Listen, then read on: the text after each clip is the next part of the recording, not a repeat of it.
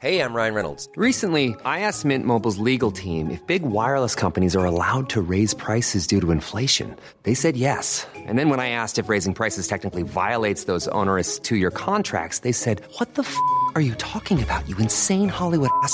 So to recap, we're cutting the price of Mint Unlimited from $30 a month to just $15 a month. Give it a try at mintmobile.com slash switch. $45 upfront for three months plus taxes and fees. Promo for new customers for limited time. Unlimited more than 40 gigabytes per month. Slows. Full terms at mintmobile.com. Da har vi akkurat spilt inn en ny episode av Aftenpodden USA, og denne uka så snakker vi om den tredje tiltalen mot Donald Trump, som veldig mange mener er den viktigste til nå, men som også kanskje har noen svakheter ved seg. Og I tillegg så snakker vi om 2024, valget som kan bli det villeste i amerikansk historie, der Trump enten kan ende i fengsel resten av livet, eller bli verdens mektigste mann. Episoden den finner du i Aftenposten-appen eller hos Podmy.